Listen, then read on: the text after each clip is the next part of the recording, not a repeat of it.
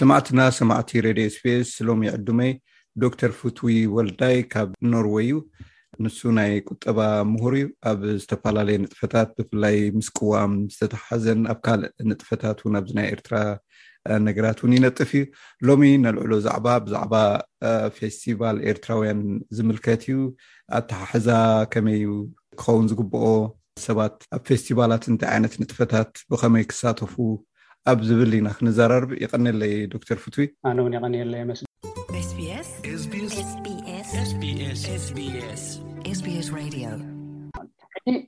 እቲ ማሕበረኮም ንኤርትራዊ ክሓቁፍ ብሽም ኤርትራዊ ዝቆመ እንድሕር ኮይኑ እቲ ማሕበረኮም እንድሕር ኣግልለኒ ኣሎ ኢሉ እቲ ሰብ ክንዲ ነቲ ማሕበረኮም ገዲፍዎ ዝኸይድ እቲ ማሕበረ ኮም ናቱ ክገብረሉ ዘይክእል ባይታ ምኽንያት የለን። ነቶም ኩላህና ኤርትራውያን ስለ ዝኾንና እቲ ፓርትዛን ስምዒት ንጎኒ ገዲፍና ነዞም ሰባት እዚኣቶም ምናልባት ኣነ ናይ ህግደፍ ደጋፊ እየ ኣነ ኣይኮንኩን ዝብል ሰብ ብኸምዚ ክንዲ ንፈላልዮ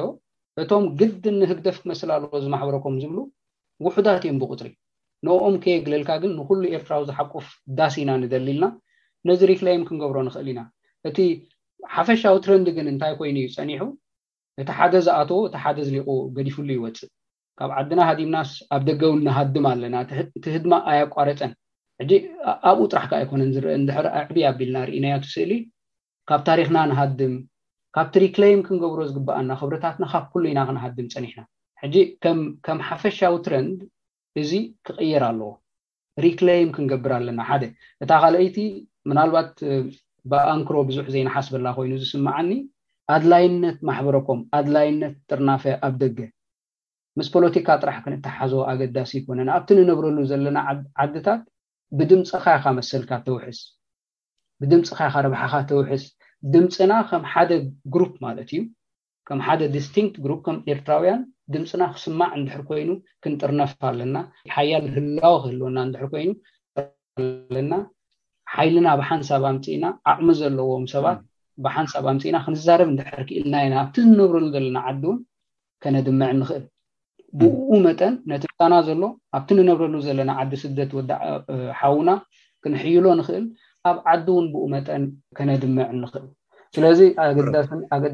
ኣገዳስነት ናይ ማሕበረኮም እውን ብዕቱብ ንሓስበሉ ኣይመስለንን ምክንያቱ ክልተ ሰለስተ ሰባት ነጥፍሉ ካልኦት ግን የግድዕዎም ስለዚ ይግልል ማለት እዩ ምናልባት ኣብዚ ክነብሎ ኩሉ ማሕበረ ኮማት መብዛሕትኡ ማለት እዩ ፖለቲካዊ ነገራት ስለዝኣትዎ ዋላ ብተቃውሞ ይኹን ዋላ ብደገፍ ብከምኡ ዶኸውን እቲ ህዝቢ ክሰማማዕ ዘይክእል ዘሎ ማለት ዩ ማሕበረ ኮም ክበሃል ክሎስ ንፖለቲካዊ ዕላማ ጥራይ ከምቲ ክትገልፆ ዝፀናሕካ ክኸውን ኣይነበሮን ኣብ ባህሊ ከም ኤርትራዊ እንተጠርኒፍካ ድምፅካ ነቲ ዘለካዮ መሬት ማለት እዩ ተስማዓሉ ባይታ ከምዝኸውን ምናልባት ፖለቲካዊ ነገራት ስለዝኣትዎ ዋላ ብቲ ናይ ተቃውሞ እውን ኣብቲ ፖለቲካውን ፋሕፋሕ ስለዝበለ ፋሕ ክብል ይኽእል ማለት እዩ ስለዚ ኣብዚ ንምንታይ ፖለቲካ ዝኣቱ ኩሉ ነገርና ማለት ኣብ ኩሉ ሂወትና ማለት እዩ ዋላ ከም ሰባት ዋላ ቤተክርስትያን እውን እንተከድካስ ከድካ ፖለቲካ ኣቱ ፋሕ ይብል ነናቱ ቤተክርስትያን ኣቆም ኣብ ሓንቲ እዩ ንኣብነት ኣብ ሓንቲ ትሕቲ ኦርቶዶክስ ይኹን ወይ ካቶሊክ ከምታት ገለመለ ይረኣዩ እሞ ንምንታይ እዩ ኩሉ ግዜ ኣብ ሂወትናስ ራይቲ ፀገም ዘለዎ ክኸውን ይኽእል እዩ ግን ኩሉ ግዜ ብፖለቲካ ዝሕወሶ ኣብ ናብራና ንምንታይ እዩ ንሱ ዶ ክኸውን ይኽእል እቲ ብልክዕ ንሱ እዩ ፅብቕቲ እዚኣ ፅብቕቲ ሕቶ እያ ምናልባት እቲ ፖለቲካ ክንብል ከለና ክልተ ነገር ክፈላልየን ዝደሊ ወይ ፈላልየ ክርእየን ዝደሊ ነገራት ኣለዋ እታ ሓንቲ እንታይ ዝበሃል ዓለም ለኻዊ መሰል ወዲ ሰብ ዝበሃል እቲ ካልኣይ ከዓ እቲ ሓፈሻዊ ፖለቲካ ንብሎ ወይ ድማ ኣብ ፖሊሲ ዘይምስምማዕ ወይ ናይ ፖሊሲ ፍልልያት ዘምፅኦ ፖለቲካ ናይ ኣረኣእያ ፍልልያት ማለት እዩ ፖለቲካ ሕጂ ናይ ዓድና ፖለቲካ ኣይኮነን ናይ ዓድና እቲ ቀንዲ ዛዕባና ሰብኣዊ መሰል እዩ ማለትሲ ሓደ ሰብ እንድሕር ሰብኣዊ መሰሉ እንድሕር ተጋሂሱ እሞ ብዛዕባ ሰብኣዊ መሰል እንድሕር ትዛረብ ሃሊኻ ሰብኣዊ መሰለይ ተጋሂሱ ተኣሲረ ኣብ ፍትሒ ኣይ ፍትሒ ኣይረኸብኩን ኣብ ፍርዲ ኣይቀረብኩን ተጨውየ ጠፊኤ ኣቦይ ተኣሲርኒ ኣደይ ተቐቲላህኒ እንድሕር ኮይኑ ካብ ዓደይ ተሰጒጎ እንድሕር ኮይኑ እቲ ሕቶ መሰረታዊ ሰብኣዊ መሰል ስለዝኾነ ብዛዕባ እዚ ዘሻሙ ነገር እውን ክህልወና ይግባእን እዩ ከም ዜጋታት ሓንቲ ሃገር ማለት እዩ እዚ ኩላህና ብማዕረ ክንዛረበሉ ዝግባእና እዩ ምክንያቱ ፖለቲካ ክበሃል ከሎ ናይ ፖሊሲ ፍልል እዩ ክኸውን ዝግብኦ ነዛ ሃገር ካብዚ ናብ ዘላቶ ናብዚ ንክንመርሓሲ በዚ መንገዲ ኢና ንኸይድ ኖ እዚ መንገዲ እዩ ዝሓሸ ኢልካ ክትዛረብ ከለካ እዚ ፖለቲካ እዩ እቲ ናይ ዓድና ግን ፖለቲካ ኣይኮነን እንታይ ዝኸውን ዘሎ ንኣብነት ሓደ ኣቦይ ተኣሲርኒ ወይ ኣደይ ተኣሲራትኒ ሓወይ ጠፊእኒ እንድሕር ኢሉ እቲ ካልእ ከኣ ዝድግፍ ዘሎ ነቲ ሓደ እንድሕር ክድግፎ ኮይኑ ነቲ ብዘይ ፍትሒ ብዓመጽ ዝብድል ዘሎ እንድሕር ክድግፎ ኮይኑስ ሕራይ ኣይኮንካይ ዝብሎ ዘሎ ቤዚክሊ ኣበይ እያ ትጸሪ እዚኦም ኣብ ሓደ ባይታ ኣብ ሓደ ጠረጴዛ ኮፍ ኢሎምሲ ስሩዕ ዝኾነ ሂወት ወይ ማሕበር ክምስርቱ ኣይክእሉን እዮም። ሕጂ መጀመርያ ሰብ ክንመስል ኣለና፣ ህዝቢ ክንመስል ኣለና ማለትሲ ኣብቲ መባእታዊ ነገራት ኣብቲ ሰብኣዊ ክብሪ ሰብ ከም ሰብ ክቡር እዩ ዝብል ኣብኡ ክንሰማማዕ ክንክእል ኣለና። እዚ ምስቲ ፖለቲካዊ ንቕሓትና ወይ ምስቲ ደረጃ ንቕሓትና ብሓፈሻ እዩ ዝተሓሓዝ። ስለዚ ፖለቲካ ኣይኮነን ናህና፣ ናትና ወይ በሃምነት እዩ ማለት ርኡይ ዕሽነት እዩ ወይ ከኣ ተንኮል ወይ ክፍኣት እዩ ማለት እዩ። ሕጂ እዚኣ ምስ ፖለቲካ እቲ ፖለቲካ ይኣትዎ ምህላዉ ግን ከምታ ዝበልካያ ብመሰረቱ ንሱ ሓደ ካብቲ ጸገማትና እዩ። እቲ ክኸውን ዝግብኦ ግን እንታይ ነይሩ እንድሕር ኢልና ንሕና ከም ሰብ ንመንግስቲ ክንሓተሉ ከም ህዝቢ ከም ሓደ ህዝቢ፣ ሓደ ድልድል ዝበለ ማሕበረኮም እንድሕር ሃልይናስ፣ ዘይንሰማማዓሉ ወይ ኣብ ህዝቢ ኮንትሮቨርሲ ዝፈጥር ሓደ ፖሊሲ እንድሕር ሃልዩ ካብ ዝኾነ ፖለቲካዊ ውዳበ ይኹን ካብ መንግስቲ፣ ኣብቲ ማሕበረኮም ጸዊዕና ሕቶ ኢና ክንሓትት ዝግብኣና እኮ ምኽንያቱ እዞም ሰባት እዚኣቶም ንሕና ኣይኮኑን ከማና ካልኦት ውልቀ ሰባት እዮመ። ሓንቲ ሃገር ብጉጅለ ወይ ብሰባት እያ እትምራሕ። እዞም ሰባት እዚኣቶም ናይ ውልቆም ረብሓታት ኣለዎም። ነቲ ንሕና እንህቦም ማንዴት ወሲዶም ከኣ ነቲ ናትና ዕማም ከተግብሩ ከኣ እቲ ናቶም ማንዴት የገድዶም እዩ። ስለዚ ነዚ ማንዴት ናትና ከም ህዝቢ ከም ሃገር ንቕድሚት ዶ የሰጉምዎ ኣለዉ ወላስ ከኣ በቲ ናቶም ውልቃዊ ረብሓ ናቶም ውልቃዊ ረብሓ ውን ስለ ዘለዎም ናቶም ስድራቤት ኣለዎም ናቶም ቀዳምነታት ኣለዎም ፕራይቨት ቀዳምነታት ወላስ ኣብቲ ናቶም ውልቃዊ ረብሓታት እዮም ዘዘንብልዎ ዘለዉ ኢልና ክንሓትት ከም ህዝቢ እዩ ዝግብኣና ንከምዚ ክንገብር ክንገብር ዘኽእለና ባይታ ከ ኢና ክንፈጥር ዝግብኣና ሕራይ ጽቡቕ ሕቶኒ ማለት ብሓፈሻ ፌስቲቫል ዋላ ከይወሰድካ እቲ ህዝቢ ናይ ብሓቂ ሕዝነካዩ ማለት ፋሕፋሕ ኢሉ ማለት ብዝጠቅምን ዘይጠቅምን ሕጂ ከም ዝበልካዮ ሓንቲ ከተጠር ንፎ ትኽእል ከም ሰብ ምሕሳብ ዳርጋ ንሓንሳብ ኣብ ከምኡ ካብኡ ን ዝረሓቅና ኮይኑ ይስማዓኒ እሞ ብሓፈሻ ክትግምግሞ ከለካ እቲ ጥርናፈ እንዲና ንዛርብ ዘለና እቲ ህዝቢ ከም ህዝቢ ሲ ሓደ ህዝቢ ካብ ኤርትራ ዝመፀ ህዝቢ ኢልካስ ፖለቲካ ብዘየገድስ ክሰማማዓሉ ዝኽእል እንታይ ይረኣየካ ናይ መወዳእታ ሕቶይ ማለት እዩ ፌስቲቫል ኹን ኣብ ካልእ ኹን ማለት ኣብ ሓዘን ክትራኸብ ትኽእል ኣብ ሓጎስ ክትራኸብ ትኽእል ብዙሕ ነገር ማለት ኣብ እምነት ክትራኸብ ትኽእል ሕጂ ነዚ ኩሉ ሲ ከም ህዝቢ ንሓዋር እውን ደቅና ኣለው ኣብዚ ዝውለዱ ኣለው ንሳቶም እውን ካባና ዝርእዎ ነገራት ኣሎ ስለዚ ዝተፈላሊካ ክሳብ መዓስ እዩ ብዘየገድስ ፖለቲካ ኣብቲ ሃገር ዝካየድ ንመፃእ እውን ቁሩብ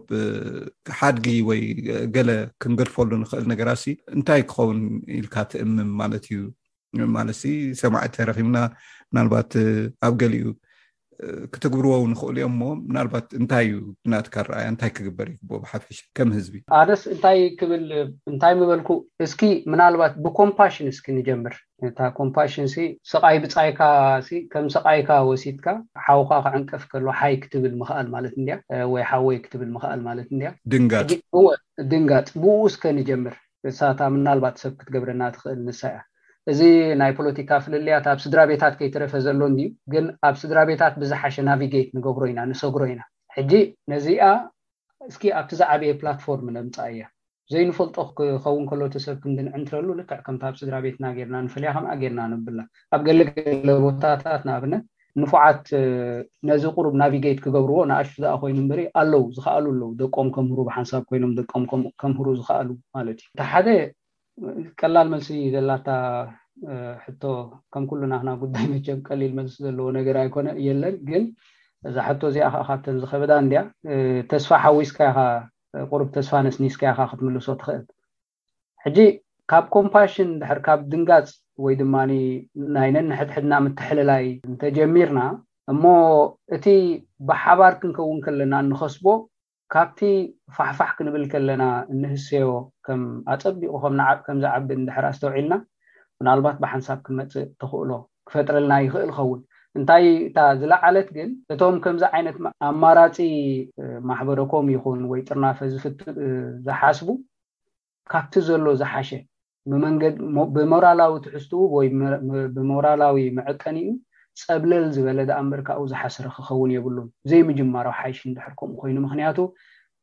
ተስፋ ሂብካ ነቲ ተስፋ ካብ ከተቕህም እንድሕር ነቲ ጾር ብግቡእ ክንጸሮ ዘይንኽእል ኮይንና፣ ነቲ ተስፋ ከም ዘለዎ ገዲፍካ ዝጸርዎ ሰባት ስጋዕ ድመጹ ምጽባይ ይሓይሽ። ከም ሞዴል የዝለል። እስኪ ምናልባት ናይ መወዳእታ ሕጂ ውን ከም ሞዴል ክንጠቕሶ ንኽእል ሓንቲ ምናልባት ገሊኦም ኣብ ገለ ቦታታት ናብ ቤት ትምህርቲ ደቆም ብሓንሳብ ከምህሩ ይረኣዮም ኢልካኒ እሞ ኣብ ኣውሮጳ ብፍላይ ብብዝሒ ዘለዎ ህዝብታት ስለዝኮነ ከመይ እዩ ከም ሞዴል ንሪኦ ነገራት ዝተዓዝብካ ኣሎ ዶ ካብኡ ክንምሃሮ ንኽእል ነገራት ተልዩ ኣሎ ንኣብነት ኣብዚ ዝቕመጠላ ዘለኹ ንኦ ምናልባት ስለዘይሓብር ኮ ማለት ሃንደበት ትመፅእ ስለ ዘላ ሽማ ምርቋሓ የድሊ ንኸውን ግን ከባቢ ክልተ ሚእቲ ምስ ቆልዑ ሓዊስካ ኣቢሉ ጠርኒፉ ዳርጋ ንነዊሕ ዓመታት ልዕሊ ዕስራ ዓመት ዝኸደ ሓደ ማሕበር ኣሎ ኤርትራዊ ባህሊ ብሓፈሻ ፓርቲዛን ብዘይኮነ መንገዲ ብዘይካ እቲ ቅቡል ናሽናል ሲምበልስ እንተዘይኮይኑ ዝኾነ ፖለቲካዊ ነፀብራቕ ዘይብሉ እቲ ጠመተ ብሙሉኡ ኣብቶም ቆልዑ ጥራሕ ኣተኲሩ ዝገብር ዝኸይድ ኣሎ ማለት እዩ። ሓደ ንእሽቶይ ማሕበር ኣሎ። ከምኡ ዝመስሉ ማሕበራት እውን በብዓዱ ከም ዝህልዉ ኣይስሕትን። ካልእ ምናልባት ኣብዚ ቐረባ ዝመፅእ ወርሒ ሸሞንተ ፌስቲቫል ናይ ብሌን ኣሎ እዚ ህጂ ጽብብ ዝበለ ሓደ ብሄራዊ ፌስቲቫል ስለ ዝኾነ ምናልባት ካብዚ ዝዓበየ ካብኡ ዝዓበየ ንኹላህና ዝጥርንፍ ባይታ ኢና ንደሊ ዘለና ግን ከም ሞዴል ኣብ ከም ማንም ሕብረተሰብ ከም ማንም ክፋል ናይ ኤርትራ ፖለቲካዊ ፍልልያት ኣብ ኩሉ ክህሉ ባህርያዊ እዩ ግን ነዚ ናቪጌት ጌሮም ኣብቲ ብሓንሳብ ዝጠምሮም ኣብቲ ከም ሕብረተሰብ ብሓንሳብ ከሰጉሞም ዝኽእል ኣተኲሮም ክኸዱ ጀሚሮም ስለ ዘለዉ እዚታት እውን ኢንስፓየር ክገብሮ ዝኽእል ወይ ኢንስፓየር ክገብር ዝኽእል ጎድንታት ኣለዎ ከተባብዕ ዝኽእል ከነቓቕሕ ዝኽእል ጎድኒ ኣለዎ ሕጂ እዚታት ካብ ከምዚታት ክንረኽቦ ንኽእል ምናልባት ሶርስ ኦፍ ወይ ምንጪ ናይ